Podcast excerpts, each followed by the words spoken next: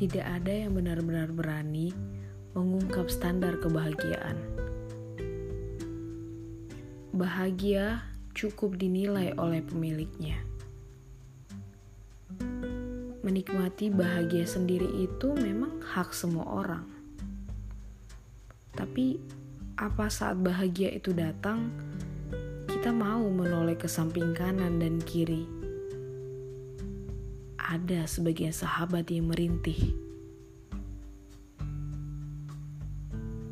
Sebenarnya kita punya hak untuk menopangnya.